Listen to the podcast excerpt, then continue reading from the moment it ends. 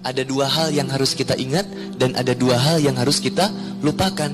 Dua hal yang harus kita ingat adalah kebaikan orang lain kepada diri kita dan keburukan kita kepada orang lain. Itu harus diingat. Yang harus dilupakan adalah kebaikan kita kepada orang lain dan keburukan orang lain kepada kita. Itu lupakan aja berada. Dia pernah nyakitin hati gue. Dia pernah nyakitin aku. Dia pernah menghina aku. Dia pernah jolim ke aku. Dia pernah begini. Lupakan saja. Maafkan dan doakan. Dan ada yang harus dilupakan lagi adalah kebaikan kita kepada orang lain. Supaya kita nggak nuntut balasan dari orang lain. Enggak. Wa ma indallahi khairu wa abqa. Sesungguhnya balasan yang ada di sisi Allah itu lebih baik. Dan lebih besar lagi. Jadi ah, sabar aja.